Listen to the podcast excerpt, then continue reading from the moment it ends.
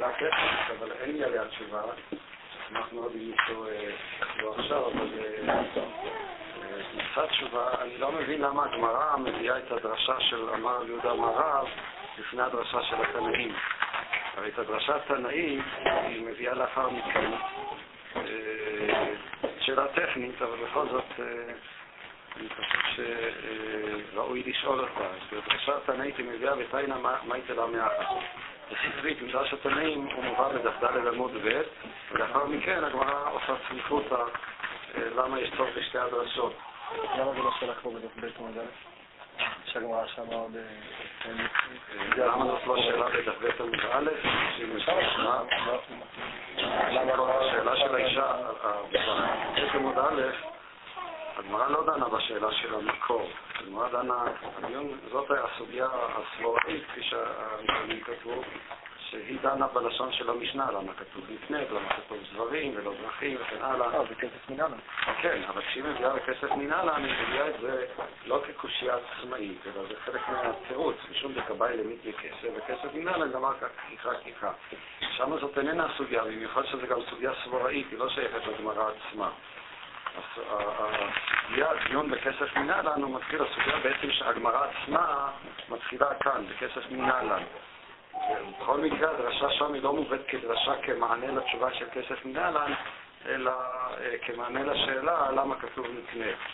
לכן השאלה היא, אני חושב, היא במקומה, אני לא, אמרתי, אני לא רוצה כרגע שנעסוק בה, אבל אם מישהו יכול לחשוב ולמצוא משהו משכנע, אשמח לשמוע. מכל מקום, השאלה הראשונה שמתבקשת מהי? אתם רואים אמר, אמר רב, מה מיד אתם, מה מיד אנחנו נשאל את עצמנו? הרי יש דרשה, דרשה של תיקה, דרשה תנאית, מוכרת, שמובאת בספרי ומובאת גם כאן לדף ד' ובהמשך בשם רבי. אם כן, השאלה היא, למה רב לא מביא דרשה חדשה שיצא חינם אין כסף? הגמרא באמת עושה לאחר מכן צריכות, אבל כפי שנראה, הצריכות היא בעייתית, משום שאחרי הצריכות אנחנו כבר לא מבינים למה צריך את הקילקה. הגמרא אומרת את הקילקה תלמד אותי קילקה ולא תיקח. אז אם ככה, למה הספרי דורשת כסף ייקח? בכל מקרה, השאלה היא, למה רב לא, מה לא ניחא לי בדרשה של כי ייקח, שהוא בדרשה של יצא חינם אין כסף.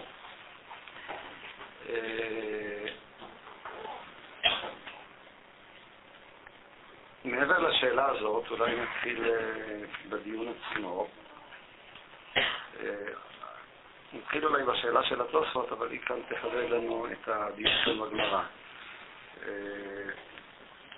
הגמרא מתחילה בשאלה ואימא לדידה. כלומר, איך אני לומד מביאתך חינם אין כסף, איך אני לומד מביאתך חינם אין כסף, את זה ש...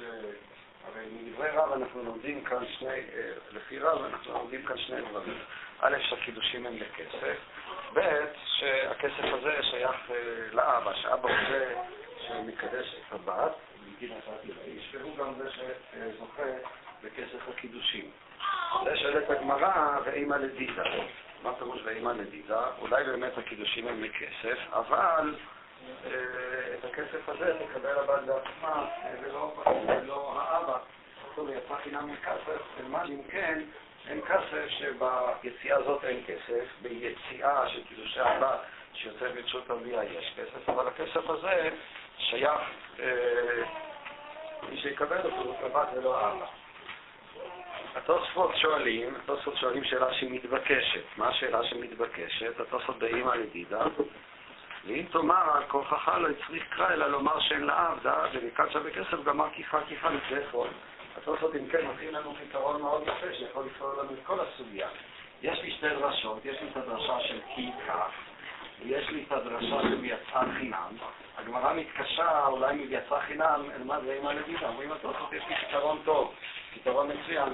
דרשה כי כך היא הדרשה מוקדמת ותנאית, ממנה אני באמת אלמד שהקידושים נעשים בכסף. הדרשה השנייה שיצאה חינם, היא מלמדת אותנו שהכסף די הרוח. זאת אומרת, אם אני שואל את עצמי מהפרספקטיבה של רב, מה בעצם הוא צריך היה ללמוד בדרשה חינם, הרי הוא מכיר את הדרשה של קים כך, שהיא הדרשה של הכסף. אם כן, תתרץ הגמרא ותאמר, הנה חינמי. את הכסף עצמו אני לומד מכאן, בשביל מה אני צריך ויצא חינם? אני צריך ויצא חינם ללמד אותי שכספא דאבוה, ואם כן, יש לנו כאן פתרון שלא תהיה מחלוקת בין דרשת התנאים לבין הדרשה של רב. הרי יותר מזה, בואו זה קצת יותר. כשרב אומר, ויצא חינם מכסף, איזה מין דרשה? מה הדרשה הזאת אומרת? הדרשה הזאת היא בעצם, הייתי אפילו אומר אפילו לא דרשה, אלא ממשמעות הפסוק. התורה באה ואומרת שהאמר, כן, אני יודע, אבל תכף נדבר. כתוב בתורה ויצא חינם מכסף. האמה הזאת שנמכרה, אם שלוש אלה לא יעשה לה, אז יצא חינם כסף. אין זכות לאדון לתבוע כסף בשעת יציאתה. משמע מכאן, פשטות הדברים, שאם, שעקרונית היה אולי נצדק שהאדון יתבע מהאמה הזאת כסף בשעה שהיא יוצאת ממנו, שהרי הוא קנה אותה בכסף, ואז הרב אומר, זה יצא חינם עם כסף. מכאן אני יכול להסיק שיציאה אחרת, כלומר, במקרה של הבת, שגם כן נמצאת ברשות אביה, הרי בסופו של חשבון האבא הוא זה שמכר אותה לאותו אדם, כשהיא עכשיו יוצאת ממנו, כשהיא מתקדשת, והרי היא יוצאת ברשותו, זכותו אם כן לקבל את כסף הקידושין, שהוא למעשה הכסף שבאמצעותו הבעל זוכה באישה ומוציא אותה מרשות בעלה. הרי הדרשה הזאת בפשטות היא איננה סתם דרשה מאיתור, אלא היא משמעות אידיקה, היא המשמעות של הפסוק. אם כך אני מבין את הדרשה, כמובן אנחנו צופים ראשית כל לדרשה שקידושים, יש קידושים בכסף. כשאני בא ושואל את עצמי מי הוא זה שזוכה בכסף, אומר רב, כתוב בפסוק ויצא חינם מכסף, משמע מכאן שהזוכה בכסף הוא אותו אחד שממנו האישה נקנית. במקרה של אישה בוגרת היא תזכה בכסף, משום שהוא קונה אותה מעצמה, במקרה של אה, קטנה או במקרה של נערה, שהוא קונה אותה מאבא, אז אבא הוא זה שיזכה בכסף. זה, זאת היא הדרשה אה, אה, אה, של רב. מה, איך התוספות מתרצים את השאלה שלהם? התוספות אומרים, ויש לומר מכל מקום מאיתורא לא נאמר שם של אב, אם אין משמעות יקרא, ולקמן במסקנה אמרינא דני פרי קראי צריכי. מה התירוץ של התוספות? ראיתם את התוספות? מקווה שראיתם. מה התירוץ של התוספות? אי אפשר לומר את זה בדבר מאיתור. יותר מדי מרחיק לכת. מה הכוונה? התוספות אומרים ככה, הפסוק של הכי כך הוא לא מיוחד. למה הוא לא מיוחד? שהרי במסקנה הגמרא עושה סליחותא. כלומר, צריך ללמוד בפסוק הזה כי כך ולא כי תיקח. שאם היא אמרה, הרי אתה נפגש, מחלוקת השני, אני רוצה נראה בהמשך.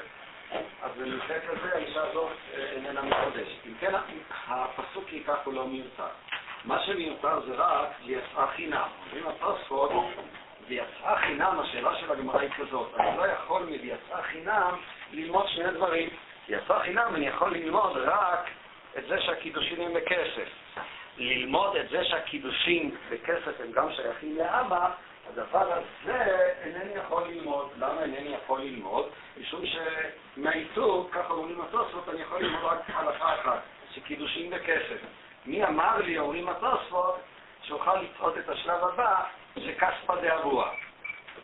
איך בכל זאת הגמרא פותרת את הבעיה? התשובה היא שהגמרא אומרת שזה משמעות לידי קרא. זאת אומרת, הדרשה הזאת איננה נובעת רק מתוך האיתור. בעצם לפי שיטת התוספות, יש כאן, הבעיה של הגמרא היא שמאיתור אני יכול ללמוד רק דבר אחד. אינני יכול ללמוד מהאיתור שני דברים. כדי ללמוד את הדבר השני, פה דאבוה, אני צריך דבר נוסף. ללמוד שכך היא משמעות הפסוק. כלומר, וזאת היא הרי מסקנת הגמרא, מסקנת הגמרא של יציאה דקבעת כממאי. כלומר, אני לומד מהפסוק יצאה חינם אין כסף, אז אני אומר, אין כסף לאדון זה, יש כסף לאדון אחר. אני עושה הקבלה בין הסיטואציה של האמה, שהאדון הוא זה שהיה צריך לזכות בכסף, לבין הסיטואציה של הבת, שבו, שבה באמת האבא זוכה בכסף. זה התירוץ של התוספות. שימו לב, התוספות כאן מכניסים אותנו, ולכן הבאתי כאן את התוספות, הם מכניסים אותנו כאן ל... ל, ל, ל אה, לשאלה מאוד מרכזית בסוגיה. מה אתם אומרים, השאלה של היחס בין המשמעות לדקרא לאיתור, מה אתם אומרים כאן מבחינת הסוגיה? רבותיי, מה העניינים? הדרשה כאן מבוססת על משמעות דקרא, או הדרשה מבוססת כאן על אה, איתור? בעצם התוספות תוך כדי התירוץ עונים על עוד שאלה סמויה שנמצאת כאן. מהי הדרשה? היא דרשה טכנית לאיתור, או שהדרשה היא שזאת אפילו לא דרשה, זה משמעות דקרא. מה אתם אומרים? התירוץ של התוספות הוא כזה, בפסוק הזה, כי ככה אומרים התוספות זה לא מיוחד, משם אני לא יכול לדרוש דרשה. מה נשאר לי ויצא חינם? ויצא חינם זה איתור. איתור אני יכול ללמוד רק דבר אחד, שכסף בפועל, מי שהקידושים בכסף. מי אמר לי ללמוד גם... למה? הוא אומר שקידושים בכסף זה הכסף. מה? מה שכסף? שקידושים בכסף מכיכר.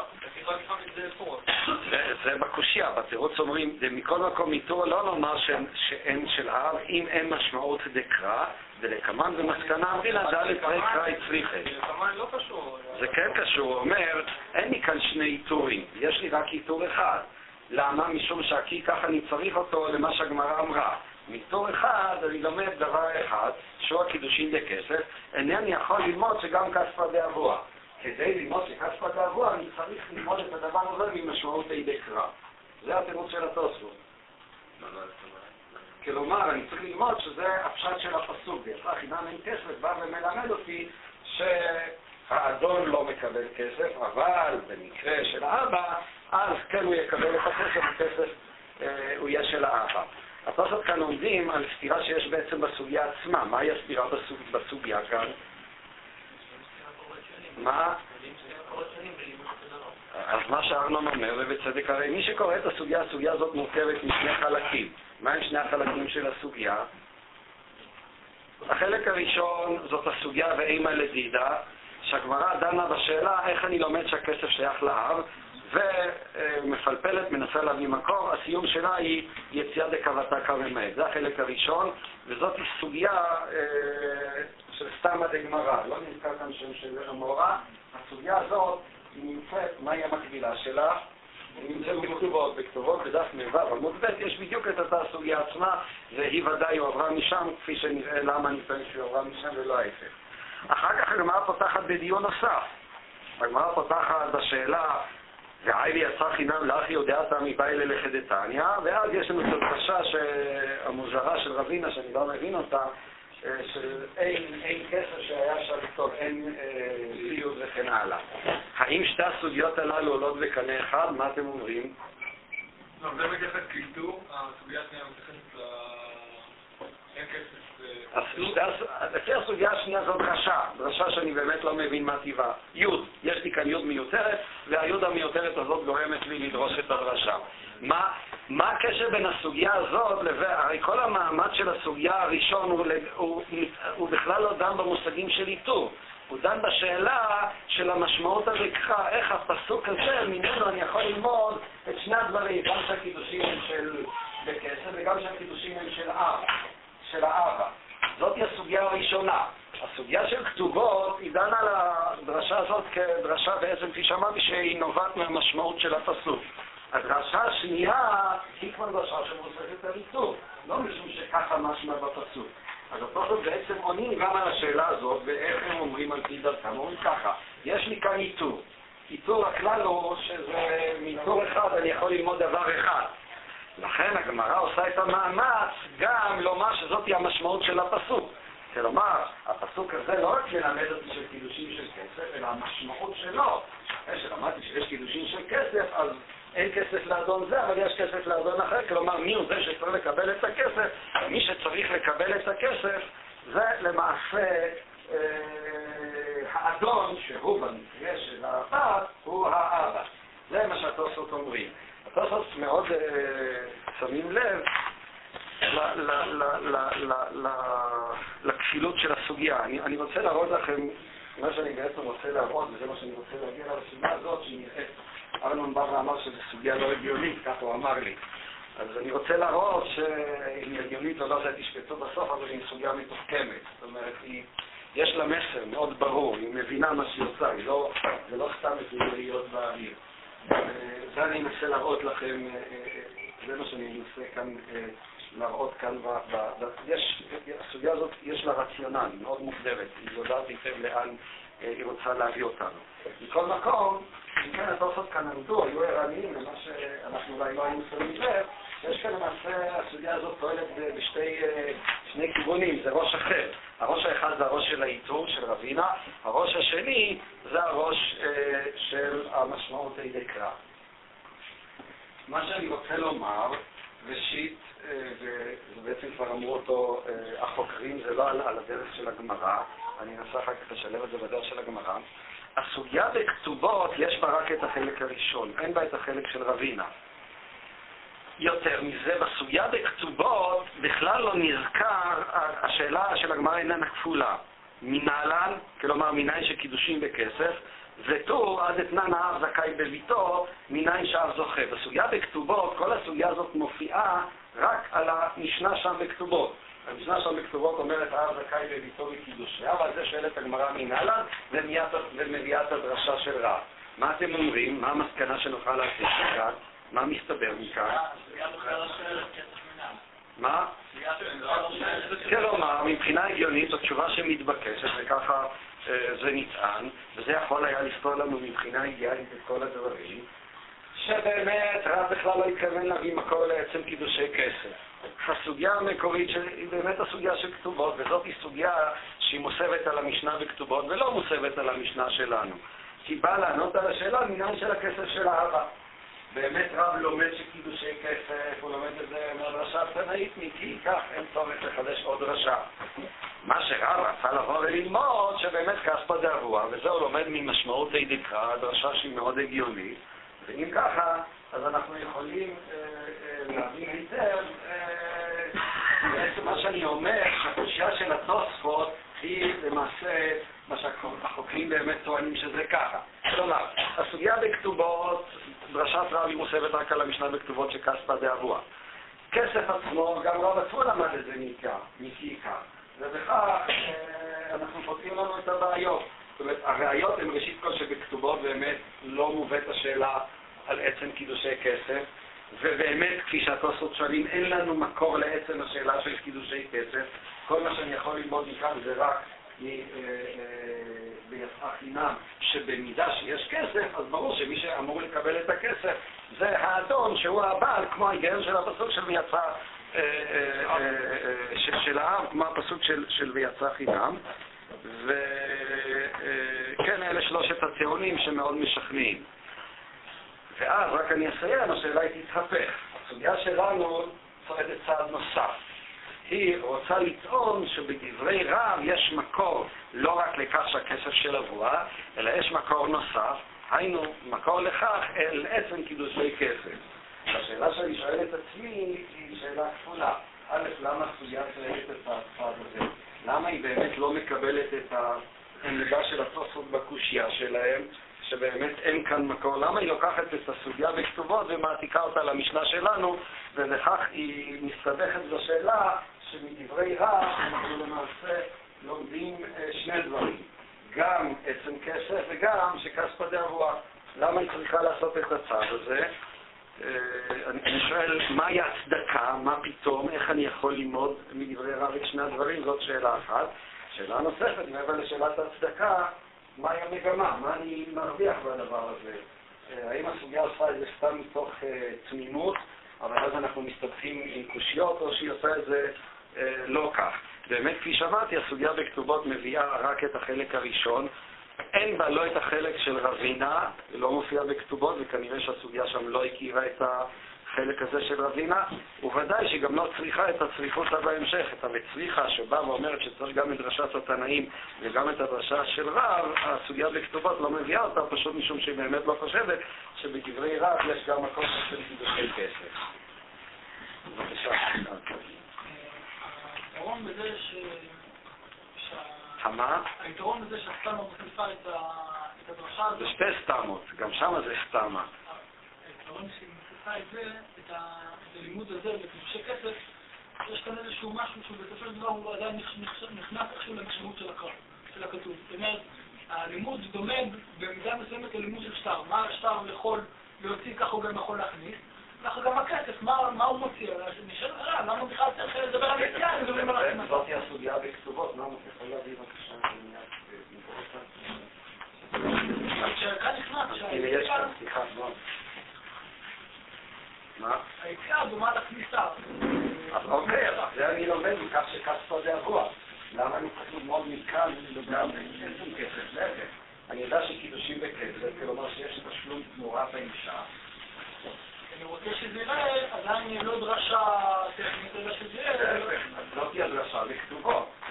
זאת היא הדרשה שהיא לא טכנית. הדרשה שאומרת, ויצא חינם אין כסף, אין כסף לאדון זה, אבל יש כסף לאדון אחר.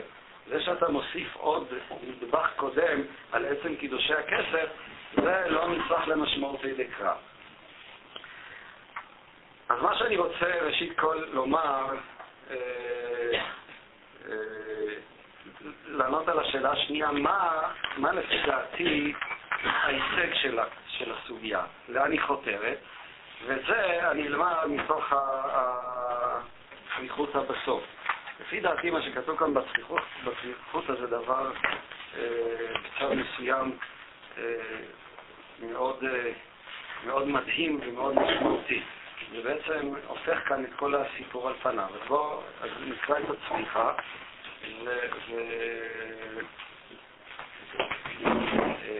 וננסה לראות מה, מה, מה כתוב כאן בצמיחה. הגמרא אומרת שיש צורך גם בדרשת התנאים וגם בדרשה של רב. אז הגמרא אומרת ככה, וצריכה. אני קורא בדף ד' עמוד ב'.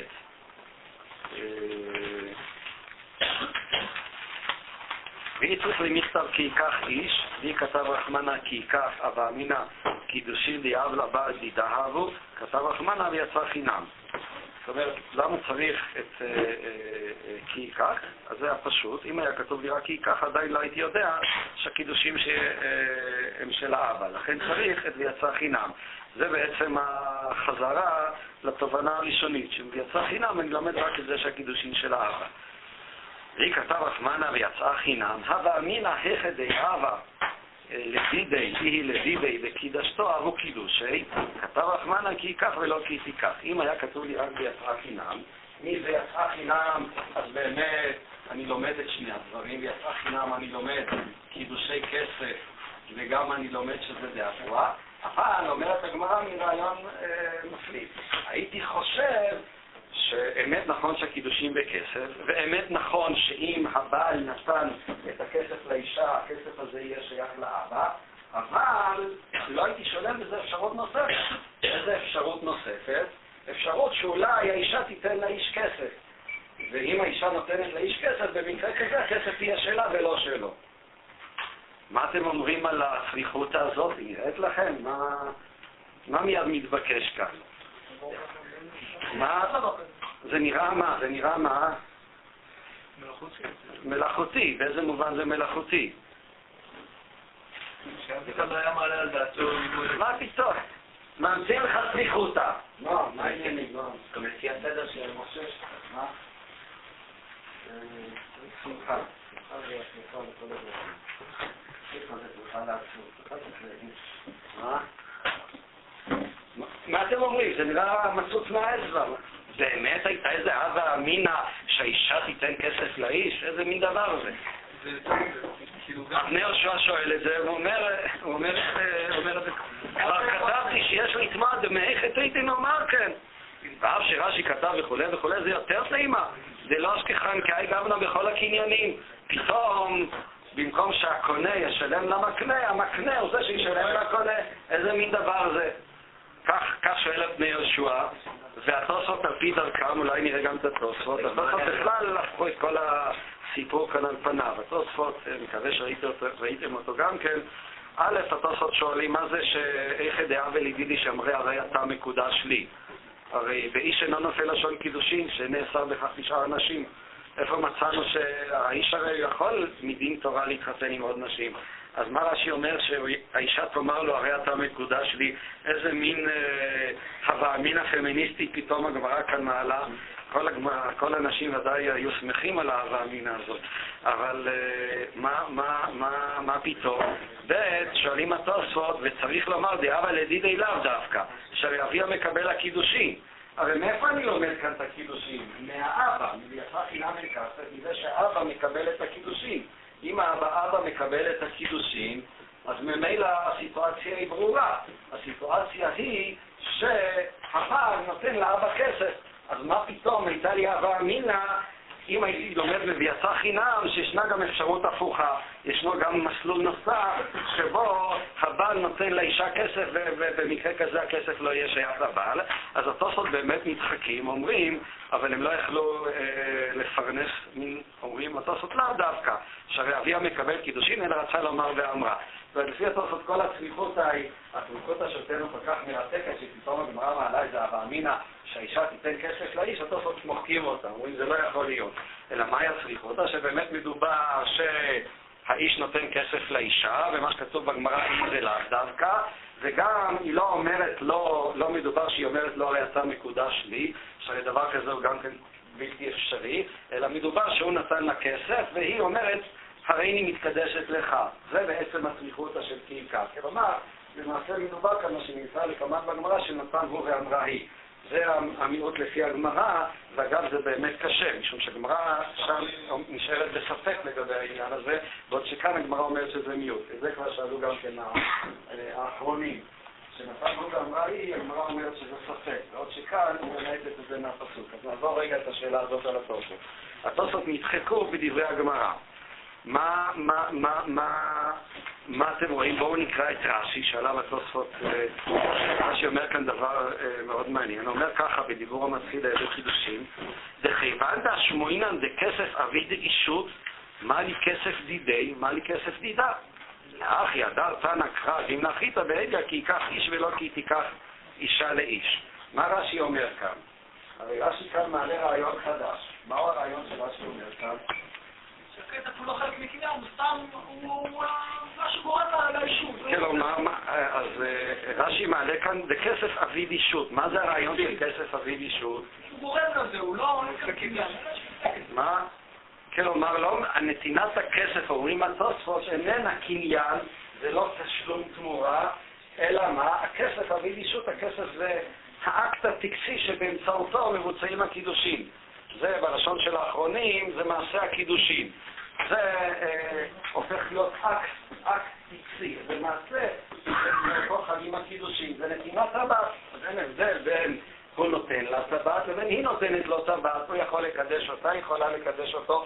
זאת היא אמינה של הגמרא. כלומר, שימו לב שכאן בזכירות של הגמרא פתאום מתערער אולי הדבר שעד עכשיו היה אצלנו מוסכם ומקובל. עד עכשיו אנחנו תפסנו שהקידושין הם קניין, ואם הם קניין, אז ודאי שיש כאן אי סימטריה בין האיש לבין האישה. האיש הוא הקונה והאישה היא המקנה ונקנית כאחד, ואז בכלל לא שייך לעלות על דעתנו, כמו ששאל אבני יהושע, שפתאום האישה תיתן את הכסף, הרי זה מנוגד לכל ההיגיון של מושג הקניין של הקידושים. פתאום עולה כאן דבר חדש של כסף אביד אישות, כלומר, לא מדובר כאן בפעולה קניינית, אלא מדובר כאן במעשה קידושין, באקט טקסי, ואז הגמרא מעלה הווה אמינא, וייתכן שהיא גם לא נשלרת, שכתוב כי ייקח ולא כי תיקח, עדיין נשארת בפניי פתוחה הדלת לבוא ולומר שהכי כך הוא רק בא ואומר שהטקס הזה צריך להתבצע בנתינה של האיש. אבל באמת המשמעות הקניינית אה, איננה קיימת כאן.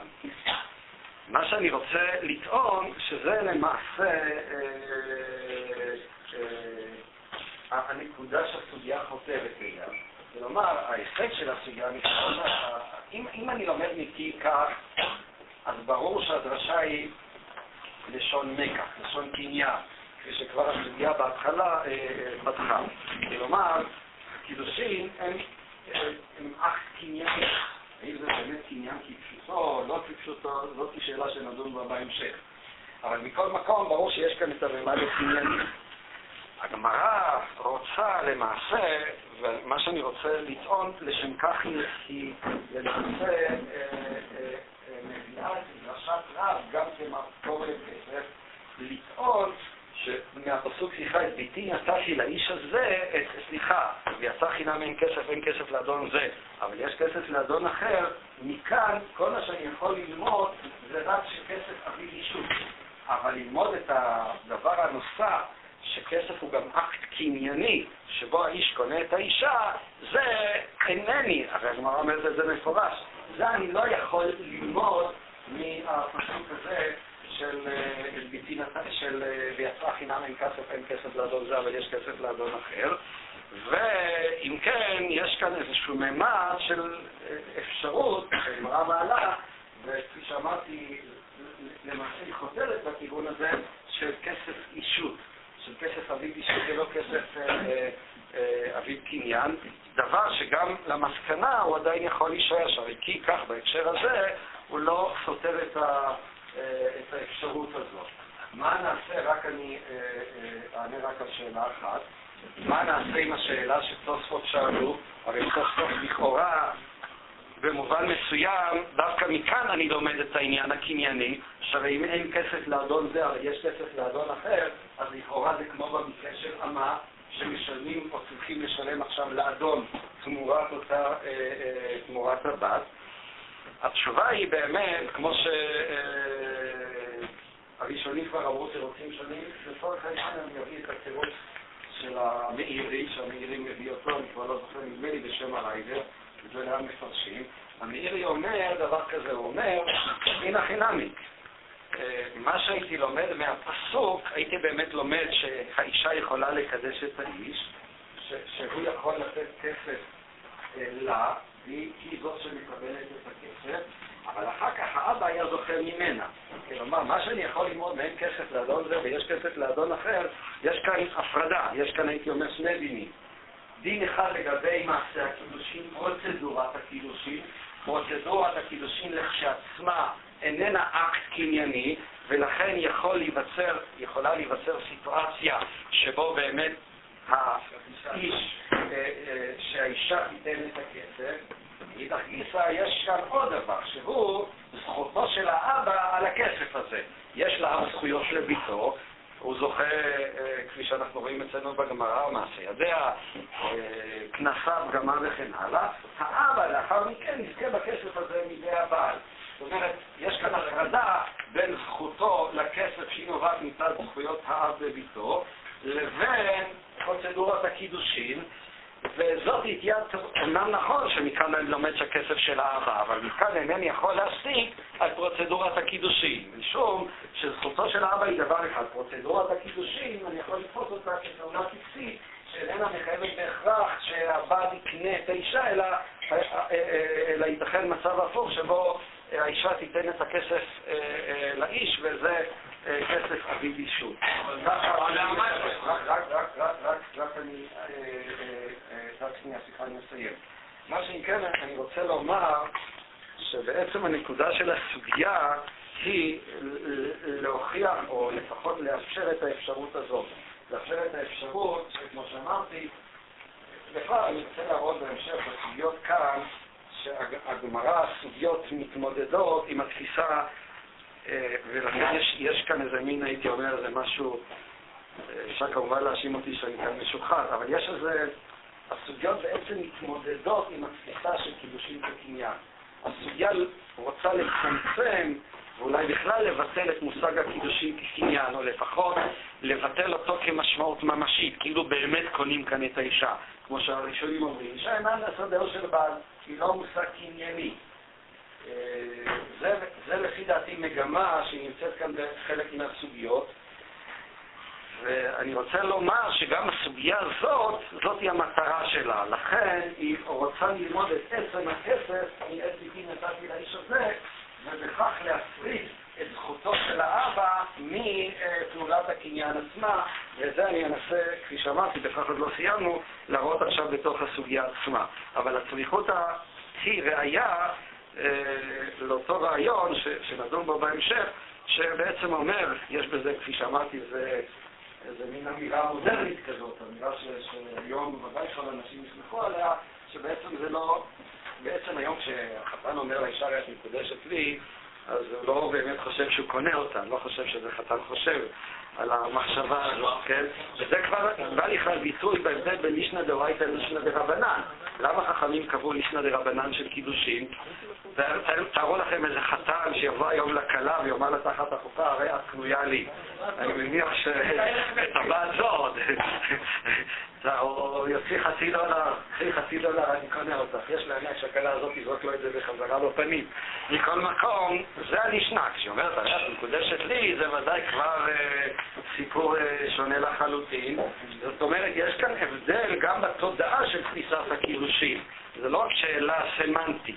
זה לא רק שאלה אסתטית של מה הוא אומר, זה גם שאלה של המובן של הקידושין, מובן שהגמרא מבחינה היטב שהוא מתרחש בין הדאורייתא לבין הדרבנן, וכאן הוא יבוא לכלל ביטוי אה, אה, בסוגיה שלנו, של המקור של קניין הכסף של עת ביתי נתתי לאיש.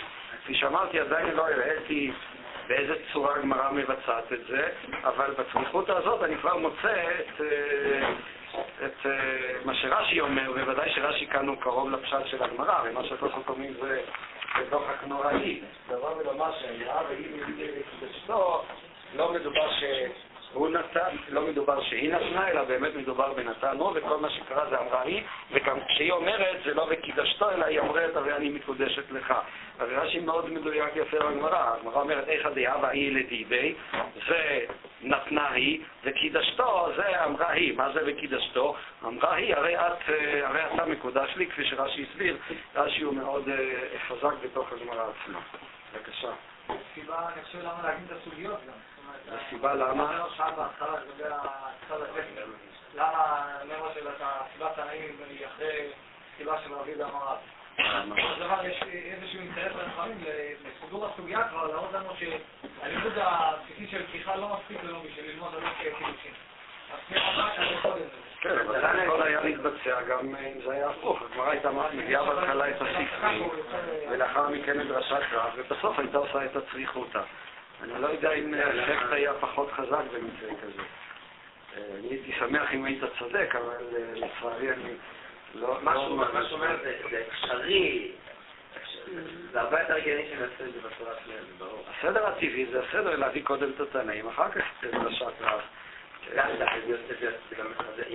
כלל גם בסוגיות הרבה פעמים, אם אין לה לסוגיה שיקול מיוחד, אז היא תביא אפילו אצל האמוראים, תביא קודם את האמורה המוקדם יותר, אחר כך את האמורה המאוחר. אלא אם כן יש שיקולים פנימיים בסוגיה שיגרמו להפיכה של הסדר. וכאן ביחס של תנאים ואמוראים זה נראה לי, אה, אה, זה נראה לי דפוק.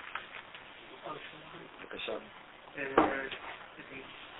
נראה שכאילו הצד הקנייני של הקידושים זה דבר שהוא, שהוא מצוי והוא מובן.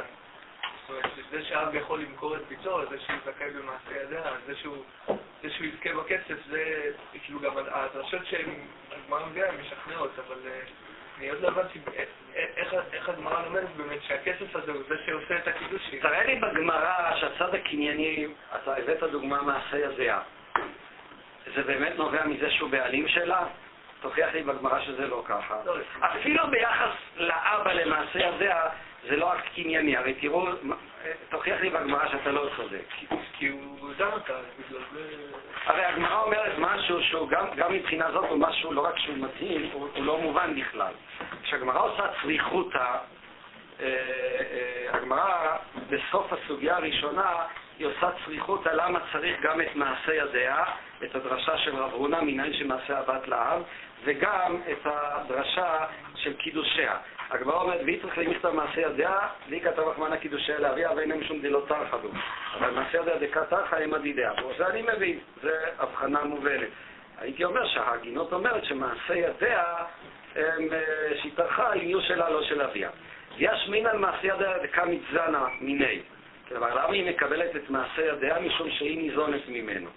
אבל קידושה דל מעלמא קראתי להם עדידי אבו צריכה, אבל קידושים שזה בא מעלמא, אולי זה יהיה שלה. מה כתוב כאן בגמרא? למה היא מקבלת את מעשה ידיה? למה היא מקבלת את... למה אבא זוכה במעשה ידיה? מה? כי הוא זן אותה, זה נכון? האב חייב לזון את ביתו? יש הלכה כזאת? הרי למדנו את זה בזמן הקודם, למזלכם, אתם יכולים להגיד תיבות שלא הייתם כאן. אבל למדנו שהבעל חייב במזונות אשתו, יתר עליו הבעל שחייב במזונות אשתו, האבא לא חייב לזון את ביתו מדין תורה. דיברנו על זה בזמן הקודם. זאת בעיה, ראינו שזאת אה, לא חובה משפטית, מוסרית וכולי. מכל מקום אין חובה לאבא לזון את ביתו. אז מה פתאום? שימו לב, הגמרא אומרת ש... שימו לב מה שכתוב, הגמרא אומרת, זה שמעשה ידיה שייכים לאבא זה לא משום שזה מובן מאליו, היא קניינו, היא השור שלו, וממילא הפירות של השור שייכים לאדון, מה פתאום? הגמרא במפורש יוצאת נגד זה ואומרת, לא, זה מידת הצדק, הוא נותן לה מזונות, ממילא זוכה מעשה ידיה, וכך היא בעצם חוזרת על אותו דגם היחס לבעל אשתו. הרי הסיבה שבגללה מעשה ידיה של האישה שייכים לבעלה, הדבר הזה נובע מכך שהוא חייב לזון אותה, ולכן האישה יכולה מה לומר? איני נזונת ואיני עושה, זאת ההלכה. אישה שמרוויחה יותר מבעלה, היא כבר איזו פקידה גבוהה בבנק ישראל והוא נשאר נעבך בחורי ישיבה, יכולה לומר, תפרמש את עצמך, איני ניזונת ואיני עושה, אני רוצה את החשבון הבנק הפרטי שלי, ואל תיתן לי את המזונות, ומעשה ידיי, הלוג שלי לא ייכנס לחשבון שלך. יש לזה כל מיני הלכות, העדפה, לא העדפה, לא ניכנס כרגע לפרטים. מה רש"י, איך רש"י מתגבר על הבעיה הזאת, שהוא לא היה במזונות אשתו? מה רש"י אומר? רש"י והראשונים, התוספות בגיטין בדף מ"ז, עמוד ב' אומרים את זה. איך הם מתגברים על הבעיה הזאת? מה רש"י אומר? דקמית זה נמיני ודעתי על מעשה ידיה דשכיחה. אז מה רש"י אומר כאן? מה הוא מתכוון ודעתי על מעשה ידיה דשכיחה? השאלה הרי הוא לא חייב לתת לה מזונות, אז מה הגמרא אומרת שהוא מקבל את מעשה ידיה בגלל המזונות? מה? כלומר, בעצם הוא לא חייב, אבל הגמרא אומרת שדעתי על מעשה ידיה, זאת אומרת, מעשה ידיה שייכים לאבא, כיוון שהנוהג והנוהל הרגיל, ואנחנו גם רוצים לעודד את האבא שלא אה, יזרוק את הבת שלו לרחוב, אז אנחנו נותנים את מעשה ידיה מתוך הרצון שבאמת יקיים את הנוהג ואת הנוהל הפשוט, שבאמת האבא זן את ביתו. למה זה לא הופך להיות חיוב מדאורייתא? לגבי דרבנן יש הבדל בגילאים של הבת, אז זה צריך לדון. כלומר, למה באמת אין כאן את החיוב דאורייתא? מכל מקום, אה, אה, רש"י, וכך אומר הריטב"א, והתוספות בגיטין בדף מ"ז, עמוד ב', הם אה, אומרים את אותו דבר עצמו. מה אני מתכוון לומר? כאן אני רואה, איפה זה עלה, מתוך איזה הקשר נכנסנו, אה, זה עלה מתוך הדברים של אלחנן. אפילו ביחס ליחסים בין האב לבין הבת, הם לא יחסים קנייניים. היא איננה הופכת להיות, לפחות בהקשר של הגמרא, קניינו או שורו. שהרי אם ככה, אז מעשה ידי השייכים, משום שהיא שייכת לאבא. הגמרא באה ואומרת, שימו לב, וזה חלק מהמגמה של הגמרא, שבעצם אה, מעשה ידיים של הבת שייכים לאבא, משום שהוא נותן לה מזונות, אבל סתם ככה לא הייתי נותן, מה? במדרשים יש... מה? במדרש יש רעיון אחר, שלומדים את זה מקימקור של ביתו לאמה. אני מסכים איתך, אבל לכאורה מקימקור של ביתו לאמה אנחנו צריכים להגיע למסקנה רדיקלית. מה שרציתי להבין זה איפה הגמרא לומדת את זה שכסף יכול לעשות חידושים. זה שכסף עושה קניין, גם אם זה לא באמת, כאילו, גם אם אישה לא קניין, זה שכסף עושה קניין זה דבר שהוא... שהוא מובן, אנחנו לומדים את זה מהמה, אנחנו לומדים את זה משדה, אבל איפה למדנו שכסף יכול לעצור אותה על כל העולם? כאן, אם כבר הקדמת את זה, אני חושב שזה מה שקורה כאן בגמרא, מבחינת המבנה, ועד עכשיו ניסיתי להסביר לאן הגמרא חותרת, וזה אני אנסה להראות בהמשך, מה היא מרוויחה בזה. עכשיו אני אסביר איך היא עושה את זה, ולפי דעתי, זה בעצם מה שנהיה כאן בגמרא. זאת אומרת, אם אני לומד באמת ממשמעות דקרא, כמו שהסוגיה בכתובות באמת לומדת, אני לא יכול ללמוד כאן שקידושים הם בכסף. כל מה שאני יכול ללמוד זה רק דבר אחד. שבעמדה שיש כסף, אז הכסף הזה שייך לאבא. איך בכל זאת אני יכול ללמוד שקידושים בכסף? התשובה, כאן נכנס הגורם הלא רציונלי נקרא לו, הגורם של האיתור. הגורם של האין כסף, אין כסף. ברגע שזה מיותר, אז אני צריך לשאול את עצמי מה זה מלמד אותי. יש לי כאן איזה מין חלל, משבצת של האיתור שאני צריך למלא אותה. התשובה, במה אני יכול למלא אותה?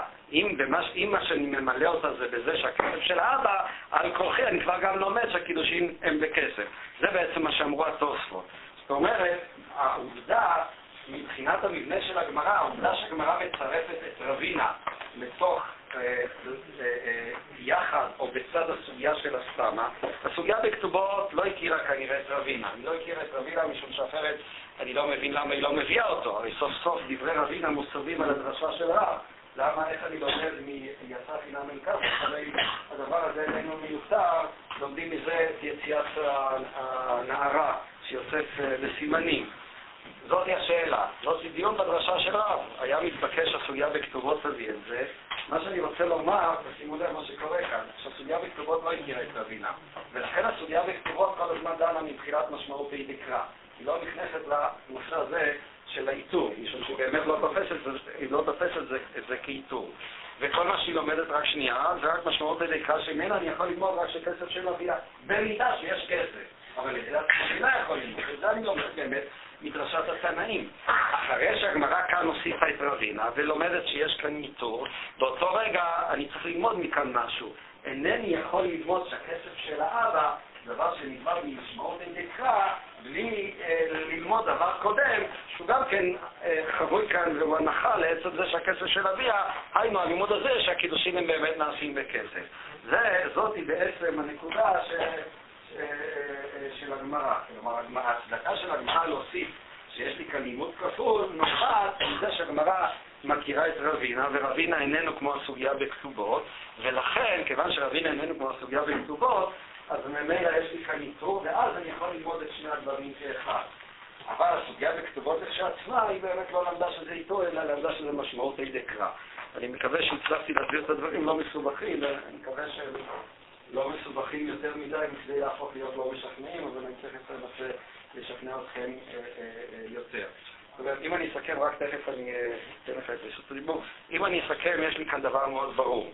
הגמרא הזאת, אני בכלל, אחת הטענות שאני תמיד טוען שדווקא סתם את הגמרא, שבדרך כלל החוקרים לא מתייחסים אליה ברצינות, היא בעצם הלב של הגמרא. בהקשר שלנו, היא הסוגיה, היא, היא הרדיקלית כאן, היא הקיצונית, אפילו הייתי אומר חתרנית. עצם האמירה הזאת, האמירה הכפולה, שימו לב שכבר ראינו, א', שקידושים לא קניין, ב', שהבת היא לא שייכת לאבא, למעשה ידיה זה בעצם איזה עניין הסכמי, זה תמורת זה, דבר שמבחינת פשט הדברים הוא באמת לא מובן, שהרי באמת ההיגיון היה אומר שאם ככה, אז אנחנו נחייב את האב לזון את הבת מדאורייתא, ואין הלכה כזאת, הוא לא חייב. ובכל זאת הגמרא אה, מעיזה לומר את זה, שכל מה שהיא מקבלת, ודאי שהצד המוסרי, הצד של הצדק עם הבת והצדק עם האישה, הוא זה שכאן אה, עומד בהגדרות של, של הדברים של הגמרא, וזה נעשה, סתם עושה את זה, אה, כפי שאני אמרתי, בצורה ש, שהיא עושה את הדברים. זה הופך את הסתמה עצמה, זה נותן לה איזה גוון הרבה יותר חזק. לא צריך ללמוד את הסתמה בתמימות. כשאני לומד את זה בתמימות זה נראה ככה יריות מקריות לכל מיני כיוונים. יש כאן איזו מגמה מאוד ברורה, מתוכננת, שיודעת בדיוק לאן היא רוצה ללכת ומהי הריאטה שלה, עם עמדות משלה, וכתוצאה מהעמדות הללו היא בעצם נותנת את הפרשנות כפי שהיא נותנת. אה, לא, אני מוותר על השאלה. כן, בבקשה. כל המטרה שלך זה לראות, רק כדי שהאב קונה, לא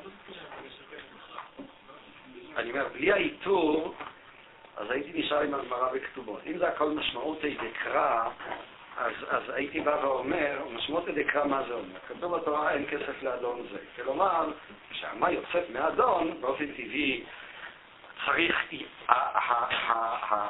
האדון צריך לקבל כסף, אומרת התורה לא יהיה כסף. היציאה הייתי יציאה בחינם. איך אני יכול ללמוד מכאן שאבא יקבל כסף? התשובה, אם באמת אני יודע שקידושים, שבהקשר שלנו מוציאים אותם מאב, כרוכים במתן כסף, אז אני יכול ללמוד מכאן, שלא כמו במקרה של האדון שאין בכלל כסף, במקרה של האבא, אז האבא יקבל את הכסף. אבל זה הכל מתוך ההנחה המוקדמת שאומנם הקידושים הם בכסף. אבל אם הקידושים אינם בכסף, אני לא יכול לבוא ולחדש מכאן שקידושים נעשים בכסף. אולי קידושים נעשים דווקא בשטר, ואז האבא לא יקבל שום דבר. זה ולבין משמעות אליקאי. אבל אחרי שאני אומר, יש לי כאן איתור, העיטור הזה מחייב אותי אה, ללמוד משהו. מה הוא מחייב אותי ללמוד? התשובה היא שהכסף של האבא. אבל אז אני מוכרח לבוא ולקבוע גם שהקידושים הם כסף. זה הכל נסמך על העובדה שיש כאן אה, עיטור. אחרת לא הייתי יכול ללמוד את הדברים. מה? לא חייבים להגיד ככה, לא? זאת אומרת, זה שיש כסף זה לא אומר שהכסף הוא זה שעושה את הקידושים. כמו- כמו ש... אז, אז, אז לבוא ולהמציא כאילו יש עוד כסף בנוסף לקידושים לא. שכרוך במקרה של קידושים של קטנה, זה לא נראה לי מה שנעלה אפשרות שהתוספות. אומר על אה, אב זכאי בביתו, אז הוא אומר מפרש בירושלמי שיש לו זכות בביאה שנותנים לו שכר לקדש בביאה. אוקיי. זה- זה- זה זה אפשרות שהיא... זה- זה שהאבא מקבל כסף, כן, זה לא... ומה איך רש"י מסביר את זה? שהוא יכול למסור אותו על גוף. כן. זאת אומרת, יש כאן, לפי רש"י יש כאן מחלוקת בין הבבלי לירושלמי, והפגישה שלך היא בעצם התירוץ. הבבלי לא מקבל את העמדה של הירושלמי, צריך להבין למה הוא לא מקבל אותה, אבל בפשטות נראה שיש כאן מחלוקת בין הבבלי לירושלמי, ולפי דעת הבבלי הוא באמת לא יכול לעשות כסף על, על חשבון הבת שלו. אבל במדרש... אם אתה כבר רוצה, קצת גלשנו, ברכת שמואל בדיוק צול- צולה את זה בנקודה הזאת.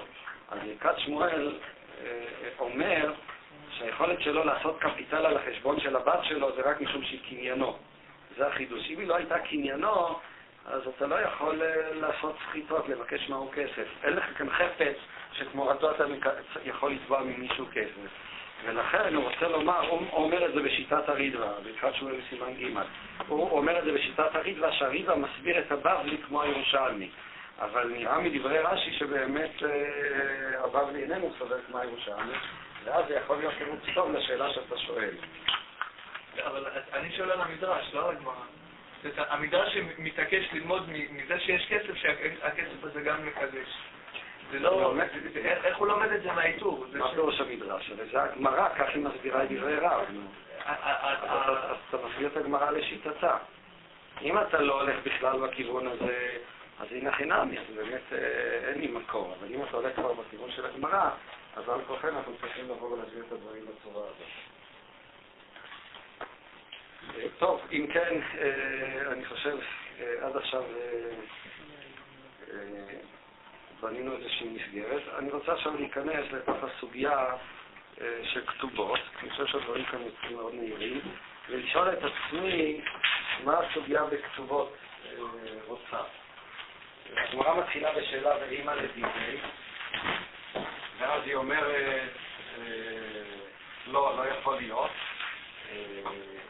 אה, איך הלשון של הגמרא, אה, אחי, אשתא אביה מקבל קידושיה ואיש רק לכספה, ואז היא מעלה אפשרות ואימא ענייני לקטנה, ואמר קרבי נעוריה בית אביה, כל שבח נעורים, ככה הגמרא רוצה לפרט, היא דוחה את זה מדברי רב, ואז אה, היא, אה, עד שהיא מגיעה למסקנה, היא יצאה את זה הלא דמיה. מה, מה, אני שוב חוזר על השאלה, אה,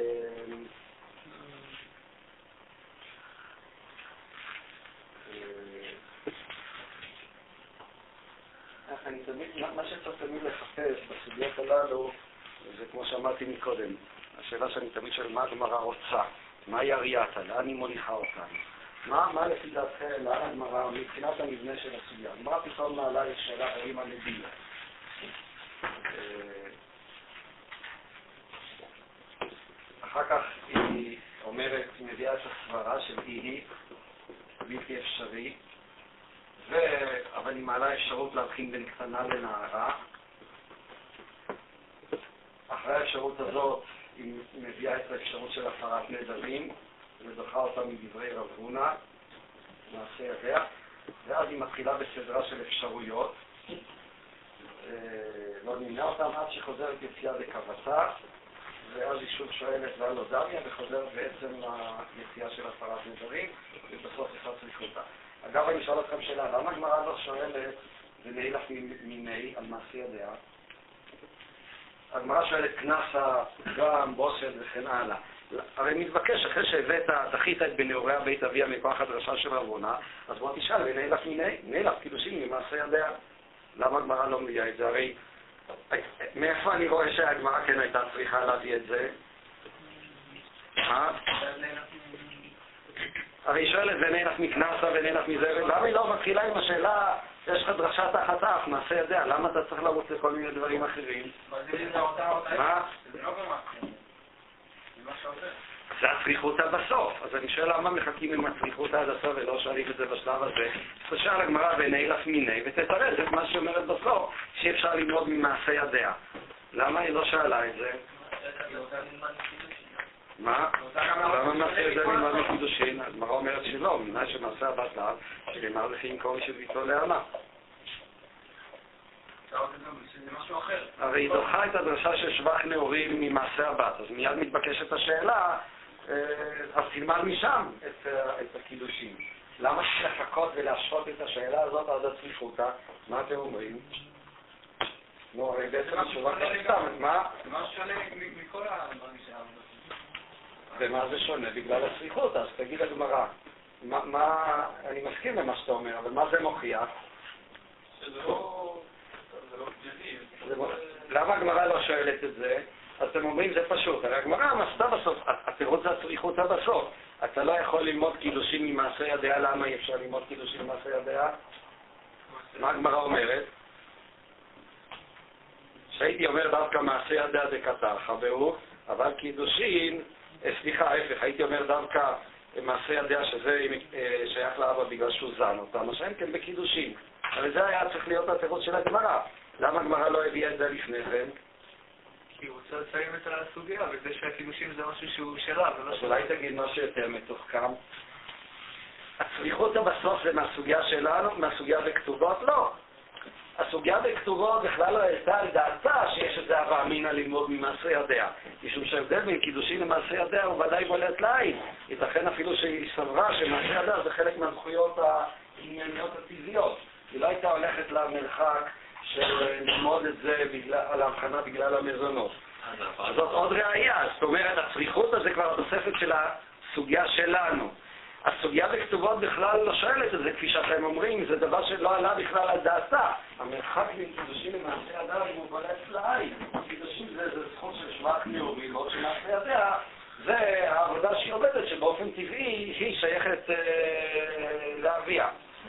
אז אני, מה שאני רוצה בעצם לטעון, אני מביא את זה שוב כ- כראיה אגבית,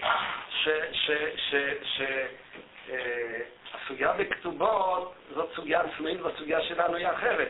ואת זה אני מוכיח מזה שהגמרא הביאה את הבצריכה, ולא הביאה את זה כקושייה נעילף מיני. למה? משום שהסוגיה בכתובות באמת לא חשבה בכלל שזו קושייה.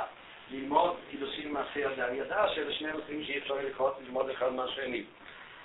לכן לא הקשתה את זה. הסוגיה שלנו כן רוצה לומר את הדבר הזה, והיא רוצה לומר את הדבר הזה משום שהיא רוצה באמת להדגיש שמעשה ידיים לא סתם ייתנו לאבא כאיזושהי זכות, מעשה הידיים ייתנו לאבא אה, כתמורה למזונות.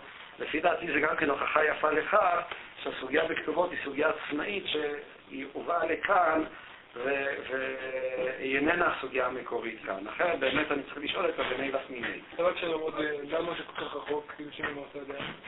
למה זה כל כך רחוק? כולם אמרו את זה כאן. אני יכול למצוא אה, אה, המון דברים, אבל זה די טבעי שהעבודה של הבת היא תהיה שייכת לאבא. למה היא תהיה שייכת לאבא?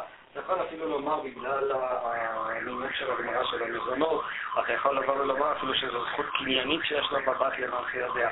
כל זמן שהיא קטנה, אז יש לו זכות קניינית לפחות אה, אה, כן במעשה ידיים. מה שהבת אה, עובדת, באופן טבעי זה שייך, היא נמצאת אצלו בבית וכן הלאה. אה, לגבי מצויתה זה הדיון... רגע, בקידושים זה ככה שם, אבל זה תמיד לא. לא, חידושים כמו שהגמרא אומרת, זה מעל, זה. חידושים זה לא איזה עבודה שלה. חידושים זה דבר שעכשיו יצאת אה, אמצעי, אה, כן, פעולה של באמצעותו. זה כבר שייך לזכויות אזרחיות הגדולות של מנגנון גדולה של שבח נאורי. שבח נאורי זה כל הרווחים שבעצם אה, אה, יש לה כל כסף שנכנס אליה, משייך לאבא. אבל זה לא איזה זכות שנובעת מהזכויות של אב וביתו, אלא זאת עוד, הלכה שהתורה חידשה, של שבח נאורי להגיע. וכן, אה, אה, אני חוזר הלאה לסוגיה הזאת עצמה.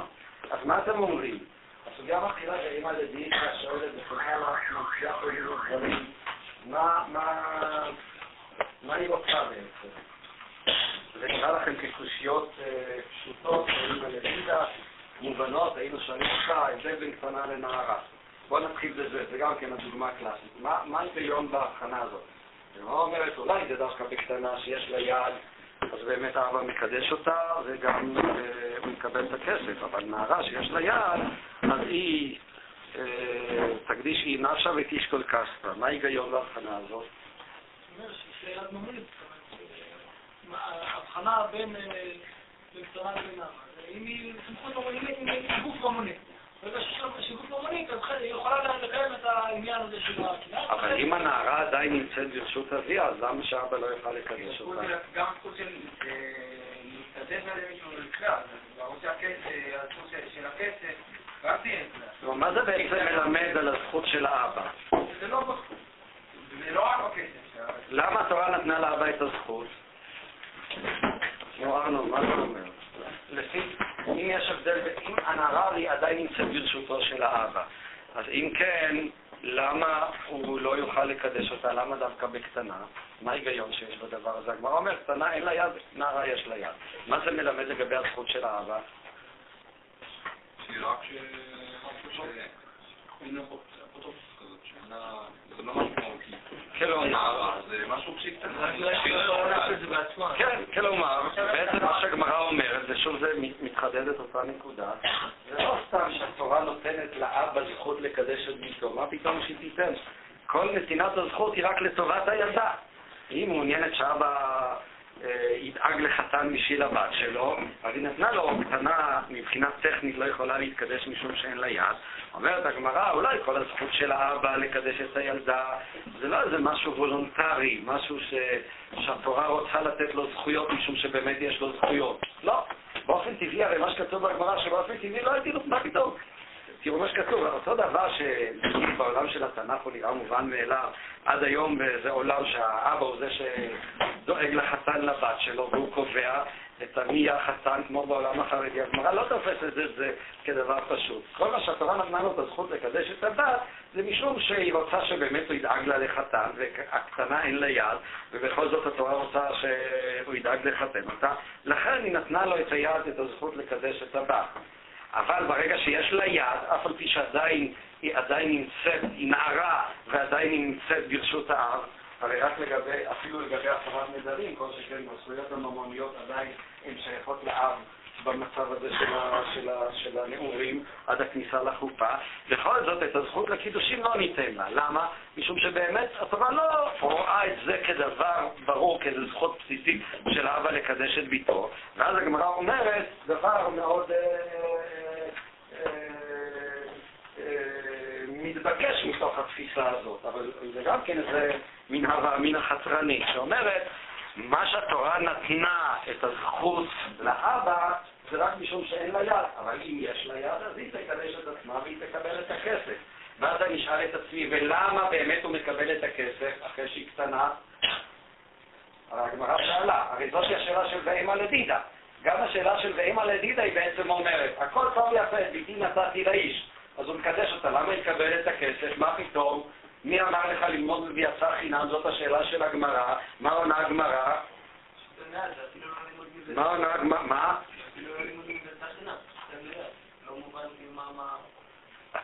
קטן אין לו דעת, קטן אין לו יד. לא תאר לך שחלילה היו נותנים לקטנה את היד. הייתה מוצאת את הילד השני והיו מקדשים קידושים. זה לא שייך שתיתן לה יד. מה הגמרא אבל עונה על השאלה של הכסף? הגמרא אומרת, אחי אשתא אביה מקבל קידושיה ואיש רק לכספה, מה זאת הסברה הזאת? למה, למה הדברים הללו לא ניתנים להפרדה? מה זאת הסברה של איש רק לכספה? מה? הוא הבעלים שלה, הוא לא שליח שלה. אז, הריטב"א באמת מסביר כמו שאתם אומרים. הריטב"א באמת אומר שזאת כבר תפיסה קניינית. הריטב"א אומר לא יכול להיות, אם באמת הוא יכול לקדש אותה בעל כורחה, על כורחנו, כך אומר הריטב"א אצלנו, ש... ש... ש... ש... אה, איפה העתקתי את הלשון שלו? אני העתקתי, אם לא נסתכל בריטב"א לפנים. הוא אומר ש... ש... אה, אה, הוא אומר את הסברה שאתם אומרים. אבל עד שאתם רצים לריטב"א, אני מתפלא עליכם, איפה הייתם צריכים להסתכל לפני הריבוע?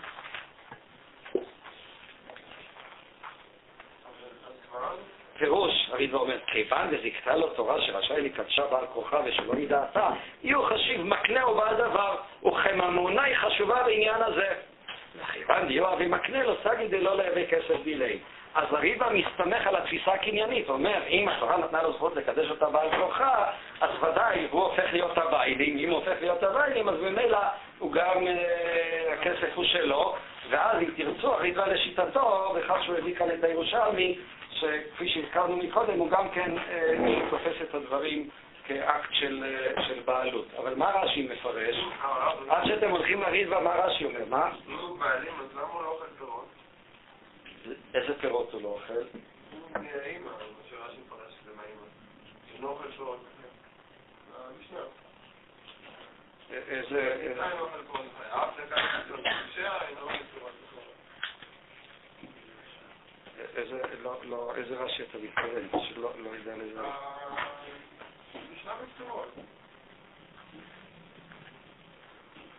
הרעב שאוכל פירות. אז, כן, זה, מפ- אה, פירות הכוונה היא נכסים שיש לו לבת, שיש לבת אה, אה, ואבא אין לו חלק בהם. ואז, מה? הנכסים האלה שיש לבת, למה לבת יש נכסים? אז אני אומר, המשנה באה וקובעת שבאמת, המשנה מגבילה, זה חלק מהמשנה כבר, את הזכויות של אב וביתו. בניגוד לאישה שהבעל אוכל את הפירות, יש לנו הרבה פירות מילוג וכן הלאה, התורה לא נותנת לאבא את הזכות על הפירות אה, של הבת, לפי המשנה. זאת אומרת, ביחס, מה? יש לבת איזשהו... כן, ודאי, כן, אבל לכן, אני מסכים איתך, לכן רש"י כאן, אה, הרידווה מדגיש ואומר, יהיו חשיב מקנה ובעל דבר וכממונו היא חשובה בעניין זה. כלומר, יש לו כאן איזו זכות קניינית לגבי הקידושין, אבל אם יש לה נכסים משלה, התורה לא נותנת לאבא זכויות בנכסים שיש, לו, שיש לה משלה. זה מה שאומר הריטווה. אבל עדיין הוא תופס את הכל על הרקע של התפיסה הקניינית של הקידושים ושל זכויות האב וביתו. אבל מה רש"י אומר? איך הבנתם, נו רבותיי, אני רואה שאתם לא מספיק מוכנים בסוגיה. והיא תשקול כספה, מה רש"י אומר? בתמיהה, אפשר שעל חינם זיכר הכתוב בקבלת קידושיה.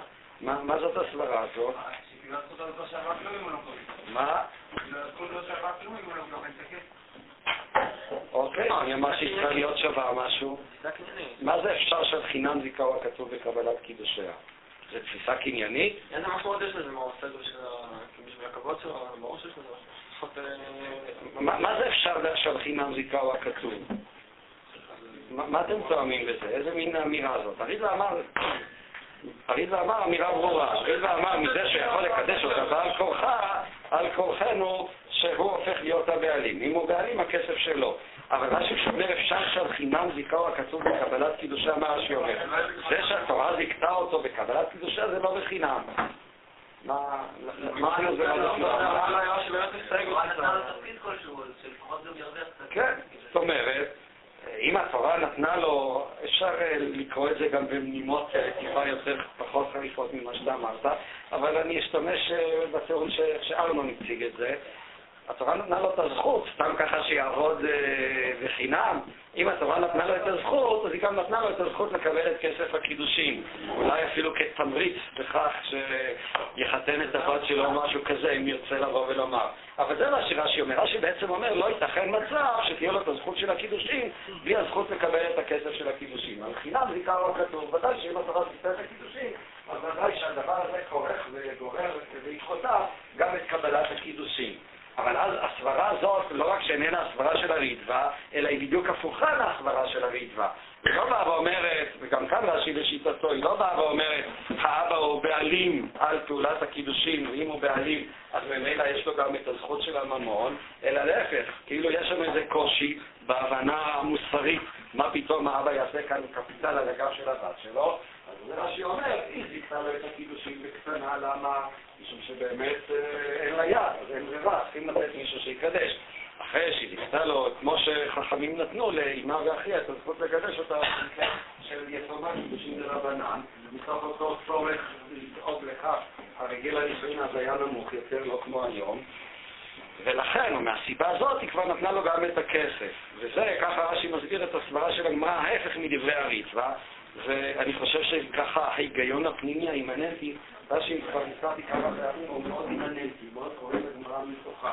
כל המגמה של הגמרא בעצם העלאת האפשרות להבחין בין קטנה לנערה, היא מגמה שאיננה תופסת את הזכות של האבא בקידושים ולקראת בבת כאיזו זכות טבעית עניינית או משהו כזה. ולכן רש"י בא ואומר, זה מין שאלה רטורית, לא יכול להיות מצב פרדוקסלי, מצב לא כזה, שתיתן לאבא את הזכות של הקידושים ולא תיתן לו את הזכות של הכסף של הקידושים. ככה רש"י מסביר את דברי הגמרא. אם כן, אה, נקודה זאת אני אסגור את המעגל. אה, היה מסביר קטנה לנערה. הריטווה אני חושב שיש בו מידה רבה של דוחה. זאת אומרת, אה, אני מסכים איתך, לפי הריטווה הבעיה היא עצם ה... אה, למה באמת, הרי נערה היא גם כן עדיין שייכת לאבא, שבח נעורים דאביה. הקטנה, אה, הזכויות של האבא בביתו נמשכות גם בזמן שהיא נערה, הוא יכול גם לאחר את מזריה, וגם הזכויות הממוניות נמשכות גם בזמן הנערות. אם כן, למה הגמרא פתאום מעלה איזה מין אפשרות שאת הקידושים לא, בגלל שיש לה יד? אפשר כמובן להגיד סברה ומחכים בין הדברים, אבל זה נראה באמת החוק לפי הריבה. אפשר לומר שקידושים זה בכל זאת אה, משהו שונה, זכות יותר אינטימית, אפשר להעלות סברות, אבל זה קשה. הרידווה, אני מסכים איתך, אני רואה את זה באמת כקושי בדברי הרידווה, וזאת לפי דעתי גם הסיבה שבגללה רש"י לא פירש כמו הרידווה. הרידווה לכאורה יוצא יותר חלק, זו זכות קניינית ממילא שגוברת בעקבותיה גם את הזכות הממונית, אבל רש"י, כפי שאמרתי, הקריאה האימננטית של הגמרא, ודאי מביאה אותנו לסברה של רש"י, ורש"י הוא מאוד עקבי כאן. אה, אה, בהסבר שלו, גם בסברת ההבדל בין קטנה לנערה, גם במה שהזכרנו שהוא סובר שהבבלי חולק על הירושלמי, ואין לו באמת זכות לאבא לצבוע כסף תמורת הקידושים, וגם בהקשר הזה יש בסברת תשכון כספא. וכאן אנחנו נגיע לנקודה שנראית לי כנקודה המכרעת. יש כאן דבר מאוד uh, מעניין. הוא מזכיר את החינם, הלשון הזה בתור להם מזכיר את הלימוד. לא יכול להיות, זה חינם, זה חינם. חינם זה לאדון.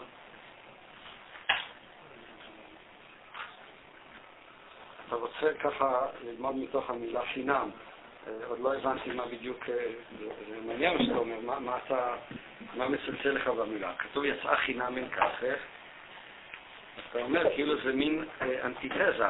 מהאדון יוצאת חינם, אבל כאן היא לא תצא חינם, החינם... מה שזה מתאים ללימוד.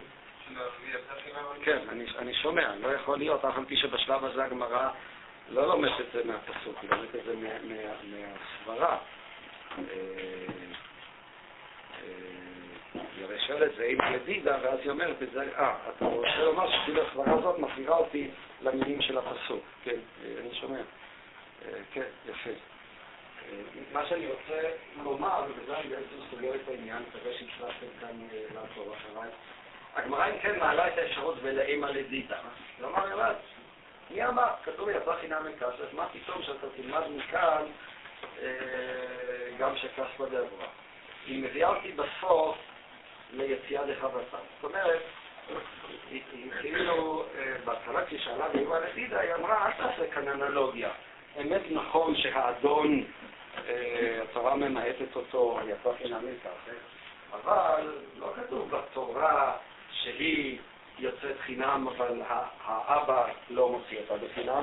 כתוב רק דבר אחד, כתוב רק ש... יוצאת מהאדון בלי כסף. מכאן, יכול ללמוד על קידושים שיש כסף, אבל אולי מי סיפר לנו שזה, מה פתאום שהכסף הזה יהיה של האבא? זה בעצם השאלה של הגמרא. כאילו הגמרא מציבה את השאלה, שלפי דעתי העניין, מאיפה נובעת הזכות? מה המקור של הזכות הזאת? מאיפה תימד אותה? מה פתאום שאבא יקבל את הכסף? ואז היא הולכת, הולכת, הולכת, עד שהיא אומרת יציאה לקבתה כממהר. כשאני אומר יציאה לקבתה כממהר, בעצם מה זה צריך להביא אותי, לאיזה מסקנה? כן, מסקנה שיוצרת אנלוגיה בין האדון לבין האבא. כלומר, יציאת האבא היא שקולה ליציאת האדון. כמו שיציאת האדון לכאורה הייתה צריכה להיות כרוכה בתשלום כספי לאדון, כך גם היציאה מאבא, שהיא הקידושין, צריכה, להיות קשורה במתן כספי לאבא. זה היציאה לקוותה. אז לכאורה, השורה האחרונה היא שאנחנו חוזרים לתפיסה הקניינית, כמו יציאת האדון, אף יציאה יציאה לקוותה. הגמרא עד עכשיו ניסתה כאילו לחמוק מזה ולטעון בכלל אין כאן יציאה קניינית, הכסף לא שייך. היא באה ואומרת לא, יציאה דחבטה. אבל הגמרא לא מסיימת בנקודה הזאת. מהי השורה האחרונה של הגמרא? מה הגמרא שואלת? היא שואלת שאלה מאוד חזקה. כמה שלא מצא חן בעיני ארמון, אבל הגמרא שואלת שאלה מאוד חזקה. מהי השאלה של הגמרא? הרי יוצאת ברשותו. היא עדיין ברשותו, מבחינה ממונית היא עדיין שייכת ברשותו. הרי הזכויות של, של, של האבא הן נמשכות עד החופה. הקידושים הם כלל לא יציאה מרשות האבא. מתי באמת הבת יוצאת מרשות האבא לכל הזכויות הממוניות? רק ברגע של החופה, לא ברגע של הקידושים. אז מה פתאום שתתפוס את הקידושים כיציאה? בצד מסוים, אז מה הגמרא מתרצת? לעניין נדרים. איזה מתירוץ? א', היא משותפת. בעצם זה מחזיר אותנו להפרת נדרים שנזכרה כאן, זה סוגר את המעגל. אבל הגמרא אמרה כבר מקודם שמה זה הפרת נדרים? הפרת נדרים מה? אין לה משמעות ממונית, רק משמעות איסורית. אז בעצם מה הגמרא למעשה רוצה לומר לך? ברור שבכך הגמרא בעצם עושה את השלטה לכיוון השני ואומרת, אין כאן יציאה במובן הממוני, הכספי, שתמורתה אבא יכל לקבל כסף או תמורה, שבאמת הקידושים היא לא יוצאת, היא עדיין נשארת שלו. זה רק איזו יציאה לעניין איסור וגם זה, כפי שנאמר כאן, איננה יציאה מוחלטת. זאת אומרת, היא בעצם, היא הופכת את דברי רב, היא מעקרת את כל המשמעות של דברי רב, אם אתם רוצים לומר. רב היה לו לימוד יצאה, אין כסף לאדון זה, ויש אדון אחר והוא האבא. לא, זה בכלל לא אדון, הוא לא יוצא, זה כסף ליציאה. זה בכלל לא מתחיל, זה הופך להיות רק איזו אנלוגיה חיצונית. יש לי ייצור, ואני עושה איזו אנלוגיה חיצונית, וזה כל מה שנשאר לי מהיציאה דחבטה כממעט. ואז השורה האחרונה שמתקבלת היא ברורה לחלוטין. כיוון שאין לי כאן יציאה, ואין לי כאן יציאה ממונית, והיא בכלל לא יוצאת, וזה הכל הופך להיות רק איזו אנלוגיה שהיא חיצונית לחלוטין, הדבר הזה מפלס את הדרך למה, למה שראינו שכסף אישות. זאת אומרת, גם הקידושים הם אינם יציאה ממשית, אלא הקידושים הם רק אה, אה, כסף אישות. וזה לפי דעתי הנקודה של הגמרא, זה בעצם הנקודה של הסוגיה בכתובות. הנקודה של הסוגיה בכתובות היא בעצם ההתמודדות של הסוגיה בכתובות סביב השאלה מה טיבה של זכויות האב, מה טיבה של זכות האב בביתו לקידושין, האם זאת איזו זכות קניינית, ממונית וכיוצא בזה, על זה באה הסוגיה ואומרת, ולפי דעתי זה מוכח מתוך הסוגיה, הרי אנחנו נדענו כל השאלה של מה טיבם של זכויות האב אה, בביתו, זה דיון כבר בגברות ועד השבוע האחרונים. כאן אנחנו מצטמצמים לשאלת הזכות של הקידושים.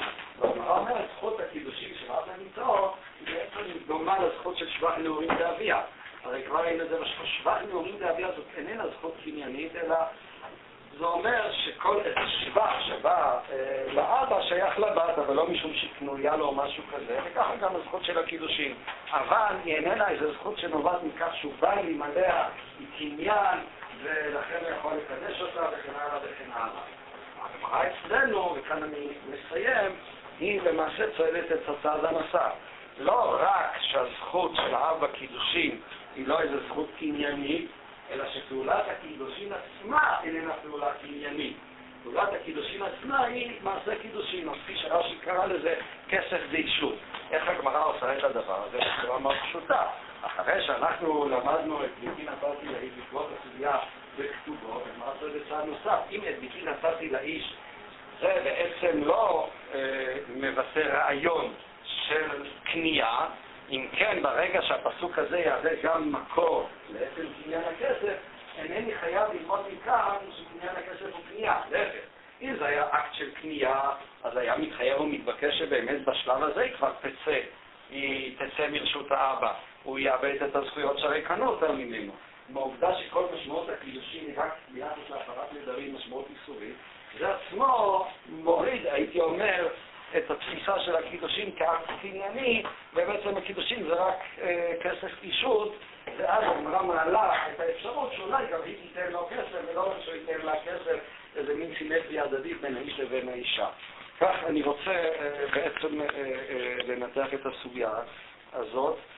זה כמובן תלוי, זה הכל הלך לפי פירוש רש"י, זה לא הולך טוב, לא עם הריטרה שנקראנו בכמה מקומות וגם לא עם הסוגיה של התוספות, זה קשור לעוד עניין. השאלה היא באמת הדרשה התנאית חולקת על הדרשה של רב או לא, לא אכנס לדבר הזה אה, אה, כרגע. מכל מקום, אם אני אסכם את הדברים, אני חושב, אני חושב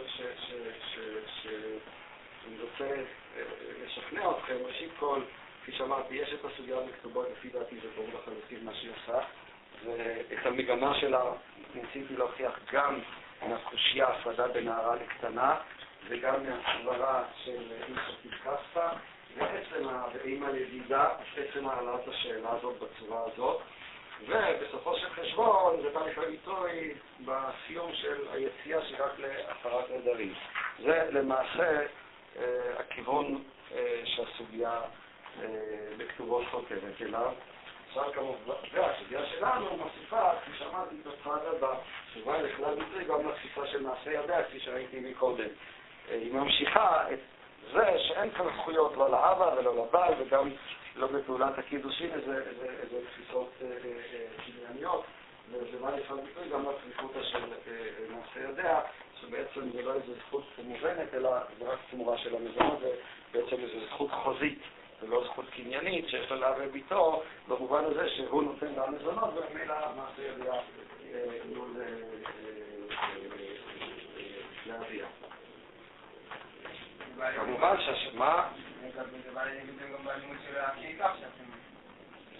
שהקי ככה הוא מצטמצם לכך, זה מה שאמרתי, שלפי רש"י עמד על זה פני ישוע. התוספות שלמדנו אותו בארבע קווי אימא לדידה, סובר שאין מחלוקת משום, בין, בין, בין השתי הדרשות, משום שהוא מעלה את האפשרות שמקי כך נלמד כסף ומדברי רב נלמד את, ה, את, ה, את, ה, את זה שהכספה גבוה. אז זה התוספות, אבל פני יהושע כבר הוכיח גם מהגמרא וגם מרש"י שנראה שהם חולקים. נראה שאנחנו רואים את זה ברש"י דובו מתחיל, שזה בעקבות הגמרא, ותנא מייטי לה מאחה, בד"ד עמוד ב', אומר קידושי כסף, דיאליף לעורב יהודה זה דל מן כסף, נפקא ללתדה מגיחה בשדה עפרון. אז באמת מוכרח מדברי רש"י שהגמרא תופסת שיש כאן מחלוקת, והיא רוצה להביא באמת את ה... להוכיח מכאן שבאמת הדרשה של רב היא חולקת, והיא חולקת לא רק במובן הטכני של המקור, אלא גם במובן המהותי של תפיסת הקידושים. טוב, אנחנו נסיים כאן. אז מה שיוצא כאן בסוף כמשהו, מה שארנון רצה לומר, כמשהו שנראה מאוד כאילו לא משכנע, להפך.